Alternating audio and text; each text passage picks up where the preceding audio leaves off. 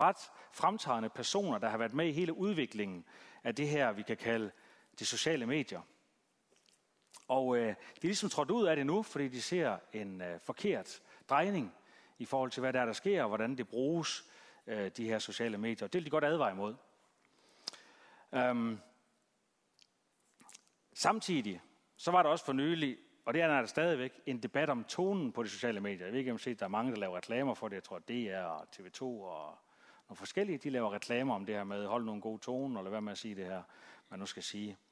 Så det har også ligesom været med til også at, at trække mig lidt og få mig til at reflektere over mit eget brug af sociale medier, generelt de sociale medier. Men i det her sociale dilemma, øh, hvad hedder det, øh, dokumentaren her, der bliver der talt om øh, fake news. Hvad er det egentlig for noget? Det var også interessant for mig at finde ud af, hvad det var. Og så bliver der også talt om den her klassiske, som vi alle sammen har talt om i mange år. Det med, at de sociale medier stjæler vores tid. De stjæler vores børns tid, så de sidder og kigger ind i skærmen, i stedet for at være ude og klatre i træer. Og øh, hvis vi starter med den ting, så ved vi jo, at børn i dag kommer til at mistrives. Ikke alle, men rigtig mange børn og unge kommer til at mistrives, fordi de sidder og kigger ind i de sociale medier. Fordi de ikke får lige så mange tommeltotter som vennen eller veninden, eller måske direkte fordi der er nogen, der skriver ret hadefulde beskeder til dem, når de lægger noget op, i jagten på at få det her like. Og øh, der er også noget med omkring manglende tid til familien. Vores sociale liv, det går også lidt i stå. Når vi ser den næste generation, hvordan er de sociale sammen? De er ikke sociale ligesom vi var, hvor vi mødtes og sådan ting. De er mere sociale på en anden måde. Så det fratager dem også noget. Der er en, der påstår, jeg skal sige, jeg skal ikke helt kunne sige, om det er rigtigt, det her, det var en amerikaner, der sagde, en amerikansk læge, han sagde, børn og unge har ikke drukken, har aldrig drukket mindre alkohol, og har aldrig dyrket mindre sex, måske end de gør nu, og har heller aldrig udsat sig selv for mindre farlige ting uden omkring i verden. Og alligevel, så har børn og unge aldrig været mere angste. Og selvmordsraterne, de stiger også for børn og unge. Selvom de ikke udsætter sig for de ting, som vi tænker, det var da noget af det, det værste, man kunne udsætte sig selv for. Det gør de ikke. Så har de alligevel angst. Og de har det simpelthen, fordi de sidder og kigger ind i den her virtuelle verden, som ikke er så virtuel mere faktisk. Fordi hvis vi bevæger os over i det, der hedder fake news, fake news, det er når et rygte, det pludselig bliver til noget, der bliver virkeligt på et eller andet niveau, som ikke bliver virkeligt alligevel, og som selvfølgelig ikke er sandheden, men det bliver til virkelighed. Et godt eksempel, det var Trump-tilhængeren, det ved jeg, om I kan huske, de stormede Capitol, regeringsbygningen over i, i USA, øh, lige efter valget her. Og man kan selvfølgelig sige, at det har selvfølgelig noget at gøre med det, som Trump han måske havde sagt, så lige umiddelbart øh, før i en tale, en rigtig tale, øh, som blev transmitteret på tv. Men grunden til, at folk de kunne tro, at det var okay at gøre det, det var altså årene inden Trump blev valgt, og til den her periode her, hvor man hele tiden bombarderede på de sociale medier med, at der er noget helt galt her. Og hvis det, Trump han ikke siger, det er rigtigt, så har vi næsten ret til at gøre det her. Det er sådan lidt et indirekte tilfælde. Men det, der slog mig, det er, at der findes også et fuldstændig klokkeklart tilfælde af noget, der er fuldstændig usandt, som har fået konsekvenser ude i den virkelige verden. Jeg ved ikke, hvor mange af jer har hørt om Pizzagaten. Prøv lige at række hånden op, hvis der er nogen, der har hørt om det. Det har Sofie. Og Christian har også. Pizzagaten, det var, at der er nogen, der startede nogle rygter om Hillary Clinton. Hun var med i en pædofiliring. Øh, og jeg tror også, Epstein var også, øh, Epstein her var også involveret og sådan ting, og hans ø og sådan ting. Der er nogen, der startede det rygte. Bare et rygte, bare noget, de fandt på. Og øh, det er der så nogen, der suger til sig. Og så begynder man så at, at made lidt de sociale medier med det her. Og rygte går så på, at det er bestemt pizzeria i Washington D.C., at der nede i kælderen under det pizzeria, der drives den her pædofiliring som så er til dels også drevet af Hillary Clinton. Og øh, det eskalerer så på de sociale medier, det her, den historie her. Og på et tidspunkt, så begynder de rigtige medier, Fox News blandt andet, det er derfor, jeg lige gør sådan her, så begynder de rigtige medier så også at tage historien op og begynder at snakke om det. Stadigvæk kun, I ved nok, sådan lidt på indicieragtigt, øh, man er ikke helt sikker på, om det er rigtigt eller forkert, men man siger alle de rigtige ting, der gør, at folk de begynder at tro på det her og så eskalerer det på de sociale medier. Og lige inden jeg skal fortælle, hvad, hvad, det, hvad det så slutter med, så så jeg tænker, hvordan er det, det eskalerer på de sociale medier? Det er simpelthen de der motorer, jeg har hørt ordet algoritme. Det er simpelthen det, der driver de sociale medier. Sociale medier, de kæmper om vores tid foran skærmen. Det er det, der er penge værd for dem. Fordi de sælger vores tid til dem, der reklamerer. Så det er sådan, de tjener penge. Så derfor kan man sige, at hvis der er sådan, det algoritmen, motoren her, den ser, at jeg lige, de tager også tid på, hvor lang tid man kigger på billedet, når man scroller. Det er så vanvittigt. Hvis de lige ser, at jeg lige kigger lidt på det der Pizzagate, der jeg lige synes, det ser interessant ud, så begynder de at sende mere i min retning og sådan noget. Og hvis jeg klikker på det, så kommer der endnu mere. Og hvis jeg liker det, så bliver, det, så bliver jeg virkelig madet med det. Og det er ikke fordi algoritmen er ond eller ønsker os, men algoritmen kan ikke finde ud af, hvad der er sandt og falsk. Det ved den ikke. Den ved bare, noget der minder om det her, det interesserer åbenbart den her person. Så det er designet sådan, så at jeg får mere af det, og det er designet sådan, så de kan sælge reklamer jo. Men det betyder, at det er sådan, at fake news de opstår. De opstår simpelthen inden den her algoritme her, på den her måde. Det er lidt uhyggeligt at tænke på. Og det, det så munder ud i med pizzagaten, det er rent faktisk, at der er en person med et skarpladt pistol, der går ind i det her pizzeria og tvinger sig adgang til baglokalerne, fordi han er nede i kælderen og redder det der, der er nede i kælderen på det pizzeria, og han får også affyret skud. Heldigvis er der ikke nogen, der kommer til skade. Men der er, ikke, der er ikke engang kælder under pizzeriet. Så det er, det er fuldstændig vanvittigt, hvordan at et rygte, som bliver skabt og puttet ind i de sociale medier, kan komme ud i den virkelige verden igen og føre til noget, der er så gralt. Det var virkelig noget, der gjorde det, der er tankevækkende for mig. Jeg har altid tænkt, at de sociale medier de kan passe sig selv. Jeg kan melde mig ud, hvis der er sådan, jeg ikke vil noget med at gøre. Så kan det passe sig selv. Men det er, vi, det, er, det er vi over. Det er sociale medier nu, som begynder at styre den virkelige verden. Vi er over det punkt. Det er voldsomt. Det var virkelig en øjenåbner for mig. Og derfor vil jeg bare sige, hvis I har Netflix, eller kender nogen, der har, så gå ind og se The Social Dilemma. Uh, jeg kan ikke huske, om det er fire små programmer eller sådan noget. En, en dokumentarserie der. Det er utrolig interessant at se, og det er virkelig en øjenåber, der gør noget ved en. Personligt så har jeg jo inde og slet alle sådan nogle uh, notifikationer og sådan nogle ting. Så jeg selv bestemmer, når jeg klikker ind på Facebook eller på noget andet noget for, for at se det. Jeg skal lige lave en lille sjov ting. Instagram, det har aldrig været den store af. Jeg logger mig på Instagram, fordi Sofie hun var i USA, og jeg vil gerne følge med i, hvad hun lavede, og hun var meget på Instagram. Og det var rigtig hyggeligt og godt. Så det besøger jeg ikke så tit. Men når man nu får de der notifikationer, de små røde der, så kan man ikke lade med at klikke på den alligevel. Så går man ind og klikker for lige at se, hvad der rent faktisk er. Og det er sjældent noget, der rigtig interesserer mig. Men man gør det alligevel. Så slog jeg så det fra. Og så skete det jo slet ikke mere jo. Fordi Instagram interesserede mig ikke. Jeg går stadig lidt på Facebook, for det får jeg brug for i forhold til at se nogle forskellige ting. Men ikke Instagram. Ved I så, hvad der skete? Så begyndte jeg at få e-mails fra Instagram. Det har jeg aldrig fået før.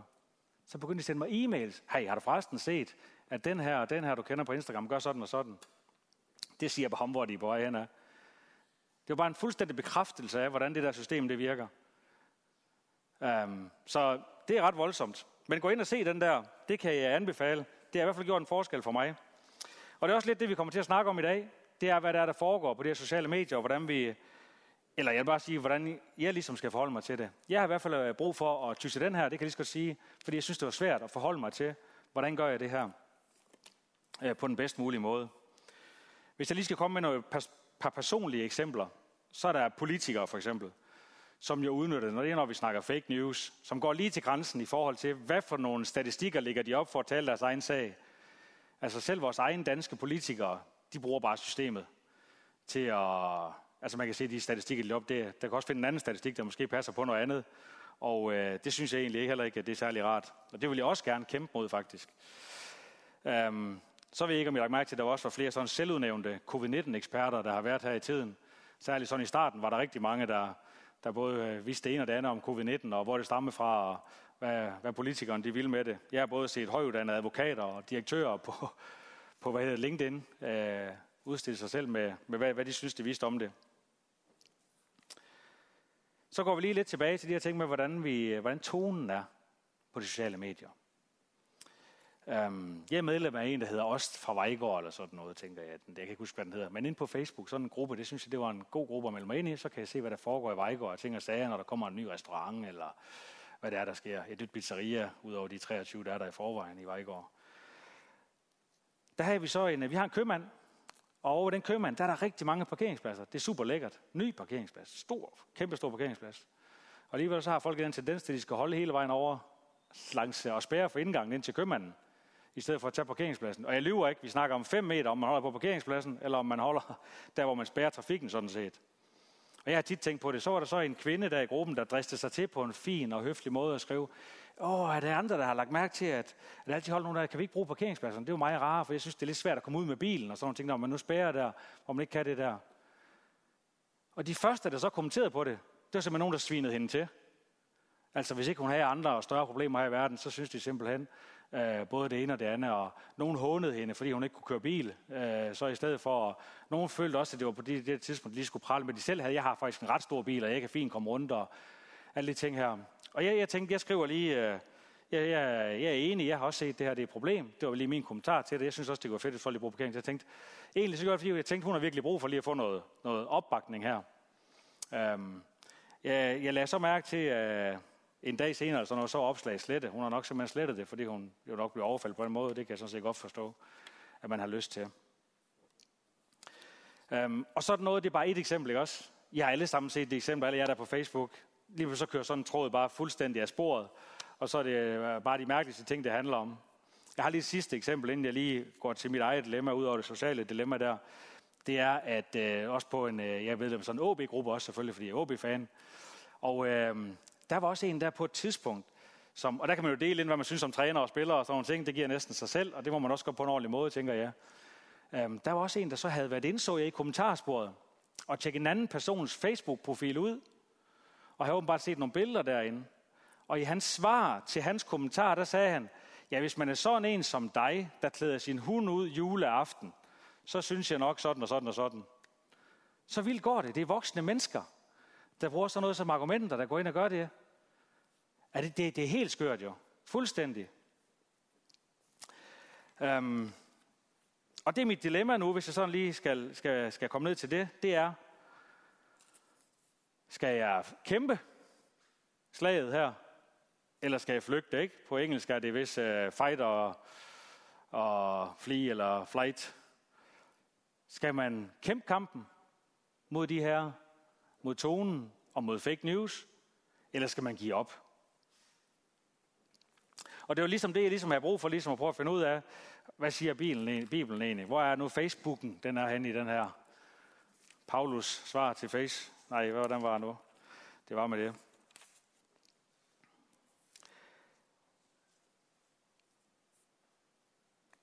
Og jeg kan også mærke, at jeg selv har en ret stærk retfærdighedsfølelse.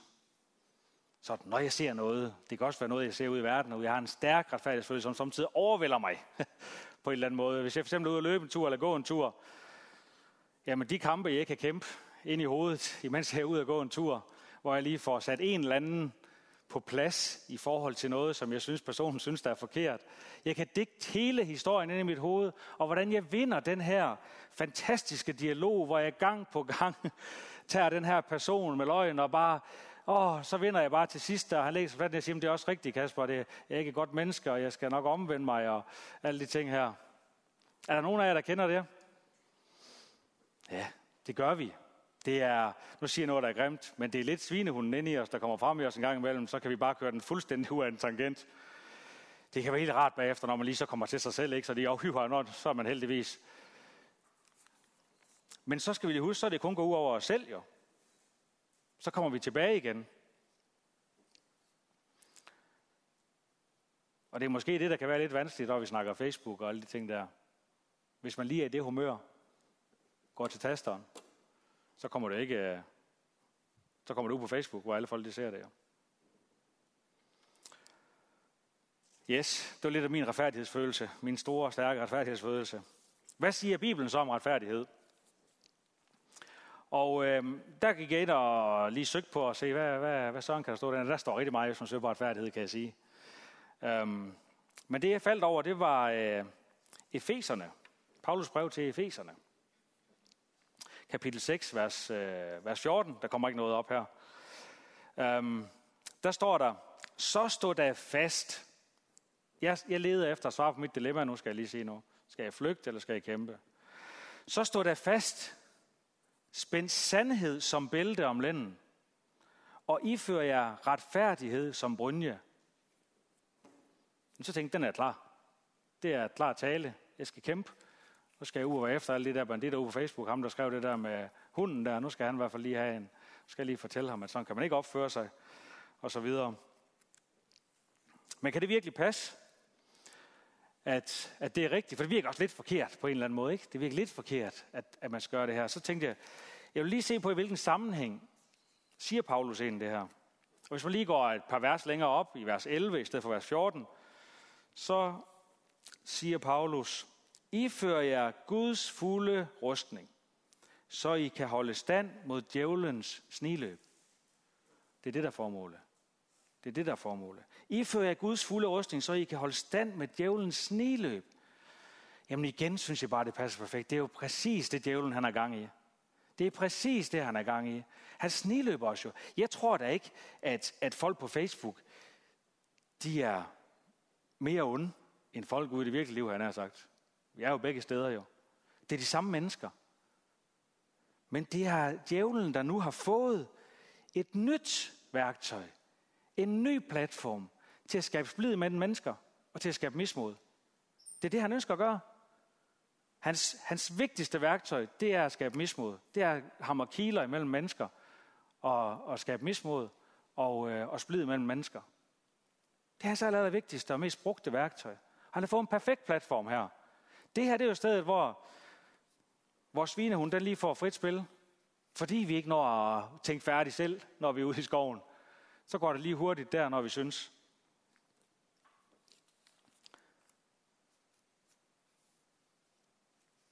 Så jeg, jeg, jeg prøver at sammenligne det, for jeg skal prøve at finde, jeg skal prøve at finde forståelse for, hvorfor folk de opfører sig, som de gør. Det bliver det vi også brug for, for det er lidt voldsomt en gang imellem, når det jeg ser i hvert fald. Så tænker jeg på, at det er lidt, det er lidt stideløb, eller sidestil med det her tankemøller, jeg snakker om, man får, når man nu er gået. Er ude at gå. Problemet er bare, at, at tankemøller, det har ingen konsekvenser, vel? Kun hvis det virkelig driver det vidt, og så øh, det fører til noget. Men sådan, som udgangspunkt, i langt de fleste tilfælde, så er der ingen konsekvenser. Vi får måske selv lidt afladet for et eller andet, og det kan faktisk være meget godt. Men når det foregår på de sociale medier foran en skærm, så har det jo konsekvenser. For der sidder jo en modtager i den anden ende. Og det er djævelens nye sniløb mod os. Det bruger han. Ikke fordi vi er dårligere mennesker, end vi plejer at være. Der var bare et lille, lille hul her, hvor der er mulighed for at trække det der i os, som vi alle har. Ikke alle, men som nogen af os har, så jeg. Jeg har ikke skrevet navnet ned, bare roligt. Men som nogen af os har. Nå, vi skal lige tilbage, fordi den der Paulus' brev til Efeserne, eh, kapitel 6, vers 14, var kun den ene halvdel af teksten. Så kommer der lidt mere tekst nu. Jeg tager lige det første igen. Stå fast, så står der fast. Spænd sandhed som bælte om lænden, og ifør retfærdighed som brynje. Og tag som sko på fødderne villighed til at gå med fredens evangelium. Lidt øv, tænkte jeg lige.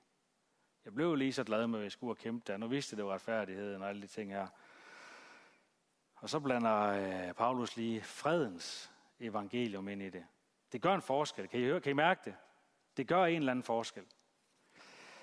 Um, så det måtte jeg også prøve at dykke ned i, og så prøve at finde ud af, hvad er det for en forskel? Så jeg prøver at undersøge forskellige ting, øh, jeg sådan kunne huske, som Jesus han har, øh, hvordan han taklede uretfærdighed. Jeg tænker, det er altid vigtigt lige at prøve at kigge på Jesus. Hvad, hvordan har han måske taklet retfærdighed, uh, uretfærdighed i nogle situationer? Der har jeg fundet et par eksempler, som, som har i hvert fald givet mig inspiration til, hvordan jeg ligesom skal agere i det her. Og der er der så øh, Lukas evangeliet, kapitel 6, vers 28-29. Jeg ved ikke, om I har hørt den her før, men så kommer den i hvert fald nu. Velsign dem, der forbander jer. Bed for dem, der mishandler jer. Slår nogen dig på den ene kind, så vend også den anden til. Og det er selvfølgelig et, vi har hørt en milliard gange. Og det er måske et af de mest kendte bibelvers, også uden for folk, der læser Bibelen, tænker jeg. Det her med at vende den anden kind til. Og det er en udfordring, var? I det hele taget. Det har altid været en udfordring. Og det der med at vende den anden kæde til, det ved jeg ikke, om I synes, men jeg har altid synes, det har været en, en udfordring at prøve at forstå det, hvis der er nogen, der behandler mig uretfærdigt og, og slår mig, så skal vi sige fysisk på den ene kende, skulle man så vende den anden kende til, eller det kan også være verbalt eller på andre måder. Det virker, det, det strider imod vores natur at gøre det. Det er svært nok i virkeligheden. Men så kommer jeg til at tænke på, her tror jeg faktisk også, vi har fået en lille fordel i forhold til de sociale medier. Jeg føler i hvert fald, at det er lidt lettere at vende den anden kendt til på de sociale medier, end der er i det virkelige liv. Det er lige lidt lettere at elske min fjende på de sociale medier, end det måske er i det virkelige liv, hvor det lige står over for en og siger bryskud og er sure og råber en. Det er måske lige lidt lettere lige at trække vejret, og så lige, hov, det kan godt være, du ikke synes øh, godt om mig, men du skal vide, at uanset hvem du er, så kan jeg godt lide dig. Det kunne være svar til en, der for eksempel jo, sviner en til på Facebook. Det er lige lidt lettere faktisk. Det, tager jeg, det er det, jeg har taget med mig. Jeg tænkte, okay, ah, nu har jeg faktisk også fået et værktøj. Det er ikke kun djævlen, der har fået et nyt værktøj. Der. Vi har også fået et nyt værktøj til at gøre en forskel. En positiv forskel for tonen, og også i forhold til fake news og hvad der er usandt. Det, svarer, det passer faktisk meget godt med min egen erfaring, at hvis man prøver at tage kampen op mod uretfærdigheden en gang imellem, hvis man vælger at tage kampen op mod nogen, der, er nogen, der er uretfærdig ved en på Facebook, jamen det ender jo aldrig nogensinde, ligesom det gør en op i ens tankemøller, hvor de læser og siger, det er også rigtigt, Kasper, du har fuldstændig ret. Ej, var det rigtigt, det er også det er helt forkert på en. Det, det må du godt nok undskylde. Ej, hvor var det fint, du fortalte mig det, nu er jeg blevet en bedre menneske. Det sker aldrig i virkeligheden, og heller ikke på Facebook, kan jeg hilse sige. Det sker aldrig. Men det er stærkt at vende den anden kind til. Det er jo enormt stærkt jo. Det afvæbner dem fuldstændig. Fuldstændig afvæbner det folk jo. For det har de ikke noget. Hvad, hvad så? Hvad, hvad skal det næste være, de skal komme med? Så det synes jeg, det er, det er noget, jeg kan ikke genkende til, hvis man forsøger det. Den her vinkel her, det var jo sådan lidt, hvis der er nogen, der angriber mig selv, hvis nogen angriber mig, så anbefaler Jesus altså at vende den anden kind til. Det er hans anbefaling til os. Det er den anbefaling, jeg har taget til mig. Man kan sikkert også finde andre anbefalinger i Bibelen, men det er den anbefaling, jeg har taget til mig, og som jeg synes, der er et stærkt værktøj.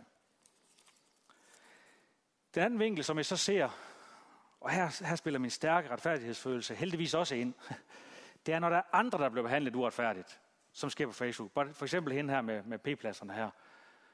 Så føler jeg også sådan, jeg bliver så ked af det, når der er andre mennesker, der, der på en eller anden måde skal hæve sig selv op, øh, og så trykke andre ned, øh, for, for at fremhæve sig selv.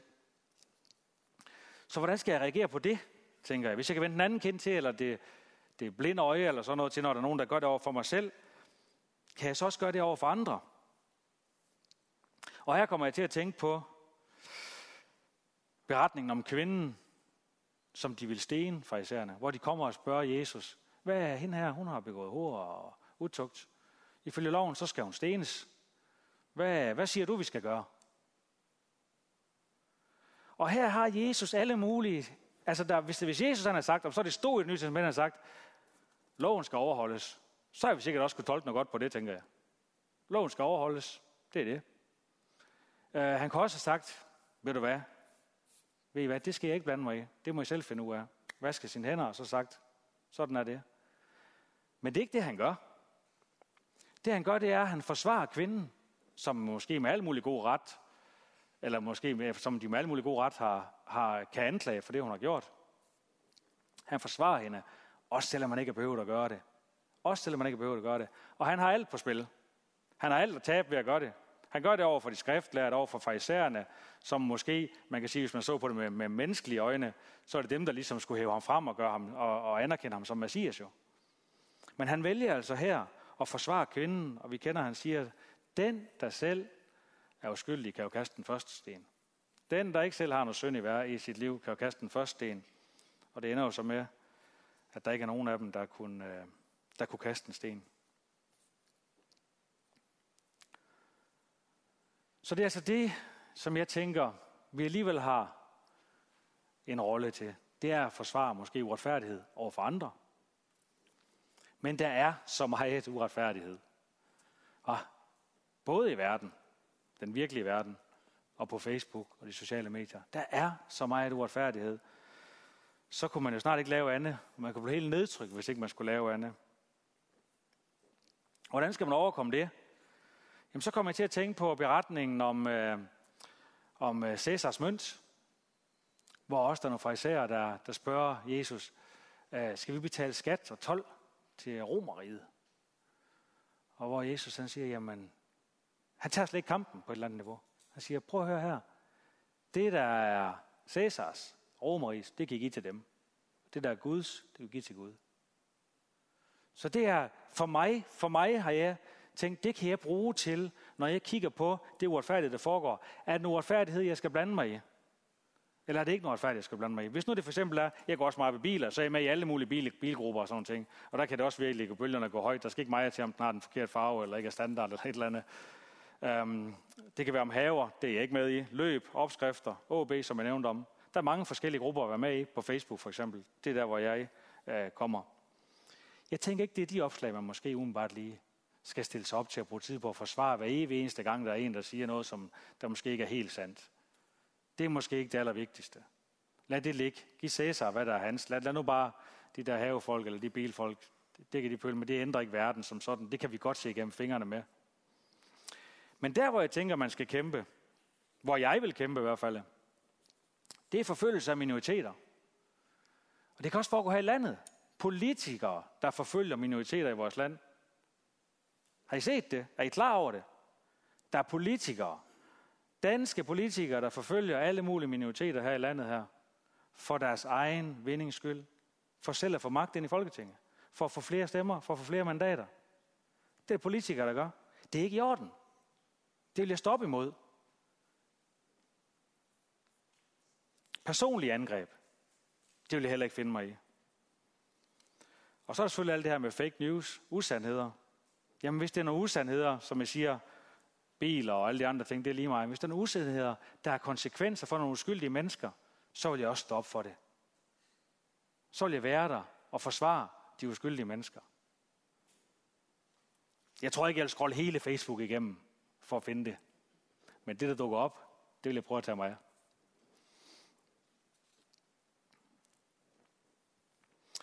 Og hvorfor det? Jeg skal lige have en drik. For lige at vende lidt tilbage. Min tanke var også, at jeg bare kunne melde mig ud af Facebook, Instagram og alle de ting her.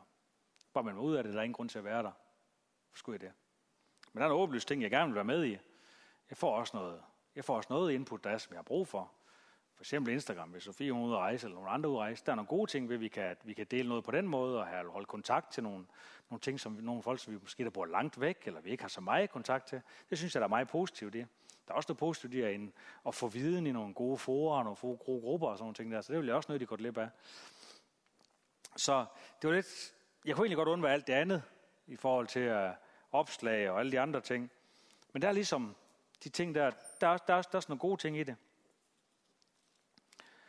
Så jeg tænker, hvis jeg vælger at være på de sociale medier, hvis jeg vælger det, og det er ikke, jeg siger ikke, man skal vælge det. Man kan bare vælge det fra. Så det er en god beslutning, hvis man vælger det fra. Det er også en god beslutning, hvis man vælger det til.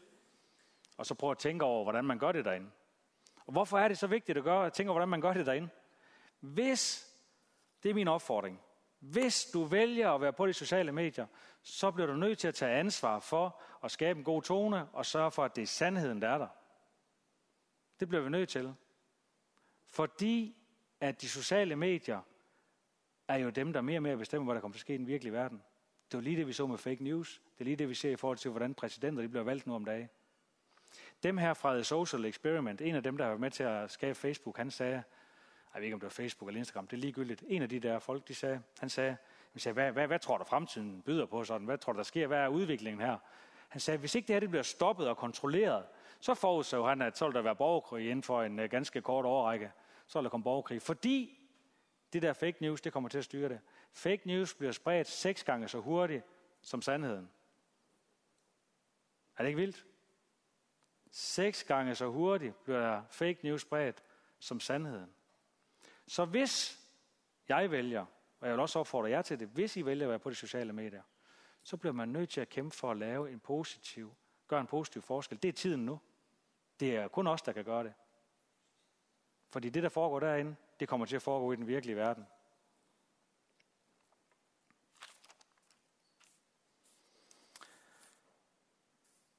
Nu kommer det til at lyde så nedtrykt det hele måske. Men jeg har en lille opmuntring til sidst til os, hvis vi vælger at tage kampen op.